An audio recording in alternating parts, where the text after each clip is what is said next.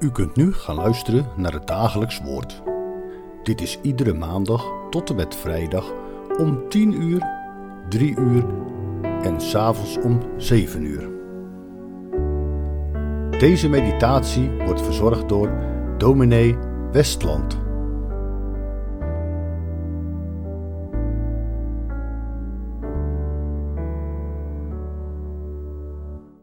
Fijn dat u luistert naar het dagelijks woord. We lezen vandaag deze bevrijdingsdag uit Efeze 4 vanaf vers 7. Maar aan ieder van ons is de genadegave gegeven naar de maat van de gave van Christus. Daarom zegt hij, toen hij opvoer in de hoogte, nam hij de gevangenis gevangen en gaf hij gaven aan de mensen. Wat betekent dit? Toen hij opvoer anders dan dat hij ook eerst neergedaald is in de diepte, namelijk de aarde. Degene die neergedaald is, is ook degene die opgevaren is, ver boven alle hemelen, om alle dingen te vervullen. Over een kleine twee weken is het Hemelvaartsdag. We horen weer over de Heer Jezus die afscheid neemt van zijn discipelen en opstijgt naar zijn Vader in de hemel. Maar wat betekent Hemelvaartsdag voor u, jou en mij? Het is heel verrassend dat apostel Paulus in zijn brief aan de gemeente van Efeze een antwoord op die vraag geeft. Kan beslist geen kwaad om op Hemelvaartsdag dit gedeelte er nog eens bij te pakken. De brief aan de gemeente van Efeze is een echte kerkbrief. Niet alleen omdat het gericht is aan een plaatselijke gemeente. Juist in deze Efezebrief maakt Paulus duidelijk wat de kerk is en hoe de kerk werkelijk functioneert. Het is daarom dat Paulus Hemelvaartsdag ter sprake brengt. Hij zegt in vers 8: Toen hij opvoer, nam hij de gevangenis gevangen. Die woorden vormen een verwijzing naar Psalm 68.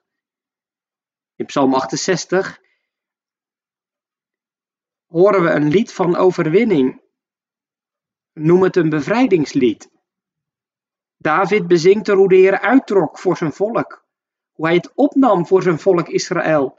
Hij bezingt de grote triomftocht van God. Hij is de overwinnaar. Hij heeft de overwinning tot stand gebracht. U bent opgevaren naar omhoog. U hebt gevangenen weggevoerd. Paulus houdt dat aan en hij denkt aan de grote overwinning op zonde, dood en hel. Christus heeft dat buitgemaakt. De Jezus heeft dat in de greep. Hij heeft het eerste en het laatste woord. Hij is de grote overwinnaar op zonde, dood en hel. Wat is dat troostvol? In een wereld waar zo vaak de doodsklok luidt. In een wereld waar we zo vaak geconfronteerd worden met ziekte, pijn, verdriet, somberheid en donkerheid. Wat kan het soms mistroostig zijn in ons, donker ook. Christus triomfeert. Zonde, dood, duisternis. Het is niet het enige, het is niet het laatste. Christus is overwinnaar. Vandaag is het 5 mei, bevrijdingsdag. De 4e mei is eraan voorafgegaan, de dag waarop de vlag half stok hangt. Waarop we terugdenken aan de verschrikkingen van de Tweede Wereldoorlog. Aan de verhoging van Christus gaat ook wat vooraf: zijn vernedering. Uit de hoge hemel is hij naar de aarde gekomen, met alle verschrikkingen van dien. Hij heeft zich vernederd tot in de dood aan het kruis. Hij is zo diep gegaan dat hij nedergedaald is tot in de hel. Vers 9 zegt: Hij is neergedaald in de diepte, namelijk in de aarde. In oude categorisatieboekjes gaat het wel eens over de trappen van vernedering. Wel nu, tree voor tree is de Jezus afgedaald in de diepte. Hij is gegaan tot in de allerdiepste smaad en angst van de hel. Hij heeft het uitgeroepen: Mijn God, mijn God, waarom hebt u mij verlaten? Het is confronterend als we bedenken dat hem dat niet zomaar is overkomen, maar dat hij die weg gegaan is voor u, voor mij, om ons tot God te brengen, om zijn koninkrijk te openen, voor u en mij. Hij moest die weg gaan. Hij heeft zich weggecijferd. Hij is er doorheen gegaan. Hij is ook te boven gekomen. Hij heeft overwonnen. Hij is opgestaan en zo vaart hij op hemelvaartsdag naar de hemel om daar plaats te nemen in de troon aan de rechterhand van God. Hij is opgevaren, zegt Paulus in vers 10, om alle dingen te vervullen. Dat wil zeggen, hij onderwerpt niet alleen zijn vijanden, maar hij maakt hemel en aarde vol van zichzelf. Hij werkt toe naar een kosmos die helemaal zindert van zijn heerlijkheid, van zijn glorie. Hij brengt alles bijeen, zowel wat in de hemel is als wat op de aarde is. Hij werkt er naartoe dat alles gericht is op hem, dat alles vol is van hem, dat alles jubelt van hem, dat uw en mijn leven zijn beeld vertonen. Toch is het niet alleen iets van straks, als een koninkrijk op het hoogtepunt is. Nee, Jezus vaart naar de hemel. En met dat hij naar de hemel vaart, stromen uit zijn handen de zegeningen ons tegemoet. Welke zegeningen? Paulus schrijft in vers 7: Aan ieder van ons is de genadegave naar de, gegeven naar de maat van Christus.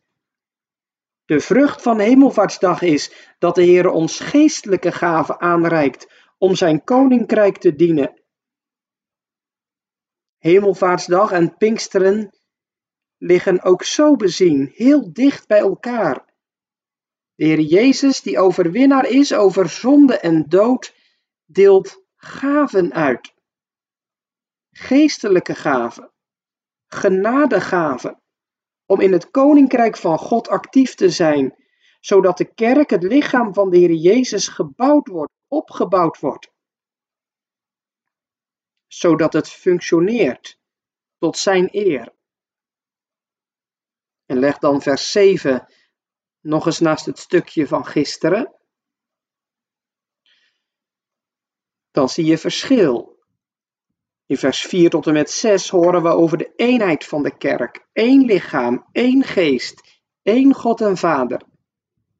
Maar in, 7, in vers 7 wordt duidelijk, het is niet één pot nat. Die kerk bestaat uit een veelkleurig geheel, een veelkleurigheid van geestesgaven.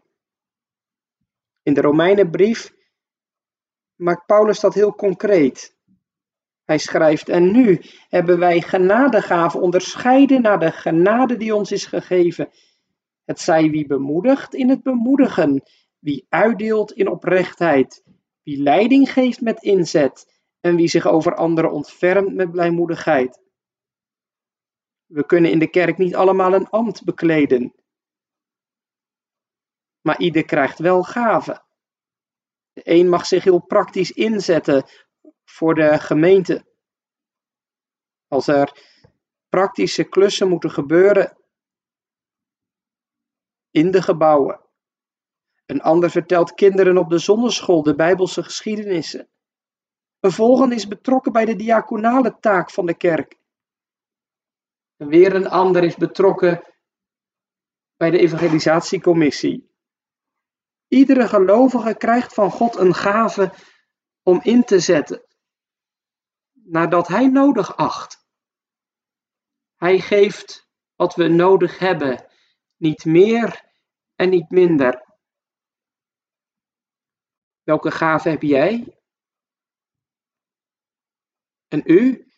Wat doet u met uw gave als de Heer een gave aanreikt, dan kun je die toch niet in de kast laten liggen, omdat je nu eenmaal druk bent met andere dingen. Laten wij beschikbaar zijn voor het koninkrijk van God. En dan hoeft het niet in eigen kracht. Het mag in afhankelijkheid van de opgevaren Christus. Hij deelt zijn gaven uit. Straks gaat Paulus daar nog verder op in en maakt hij dat verder concreet wat hij precies bedoelt. Als Paulus het heeft over die gaven, is het mooi dat hij ook hier in Psalm 68 citeert. Want over wie heeft de dichter van Psalm 68 het? Over wederhorigen. slechte luisteraars, die mogen door genade genieten van de gaven van de Heere, worden ingezet voor het koninkrijk van God.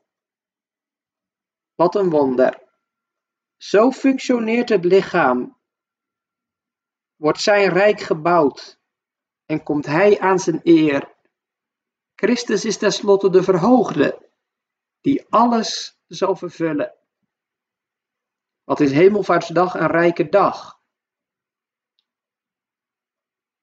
Het offer heeft hij gebracht. Zijn werk draagt vrucht. Hij is de overwinnaar. Royaal deelt hij zijn zegeningen uit. Genadegaven. Om daarmee gewoon je plekje in te nemen in zijn koninkrijk. Zo gezien en geloofd is Amen zeggen op Hemelvaartsdag. Het zingen en leven, mijn hart, o hemelmajesteit, is tot uw dienst en lof bereid. Op naar Hemelvaartsdag. Amen. Laten wij samen danken en bidden. Here in de hemel, wij danken u voor uw grote daden. Wij danken u dat u dat werk op aarde afgerond hebt, dat u zich vernederd hebt, dat u tot de laagste tree gegaan bent, maar dat u ook verhoogd bent. Juist omdat u vernederd bent, heeft u een naam gekregen boven alle naam, opdat in die naam zou buigen alle knie die in, die in de hemel en die op de aarde is, opdat u verheerlijkt wordt en de glorie ontvangt. Ja, wij danken u dat u alles zal vervullen, dat heel deze wereld vol zal zijn van uw luister en glorie. En dat u voor de opbouw van uw koninkrijk mensen inschakelt, beperkte mensen, wederhorigen, zondaren, Heere, wij bidden u, zegen ons op de plaats die u ons geeft. Zegen ons in de gave die we van u hebben ontvangen. Dat we met vreugde u mogen dienen, niet al zuchtend. Wij vragen u, Heere, wilt u zijn bij uw kerk wereldwijd. U weet wat uw kerk ook nodig heeft. Wees bij hen die leiding geven in de kerk. Breid uw koninkrijk uit. Verander mensen en vernieuw mensen. En laat zo uw koninkrijk komen. Wij bidden u, Heere, en wij danken u voor het vele goede dat u geeft, ook in deze dag, ook als we terugdenken aan de grote daden van u in de geschiedenis. Wat bent u een grote God dat u na vijf bange jaren uitkomst gaf.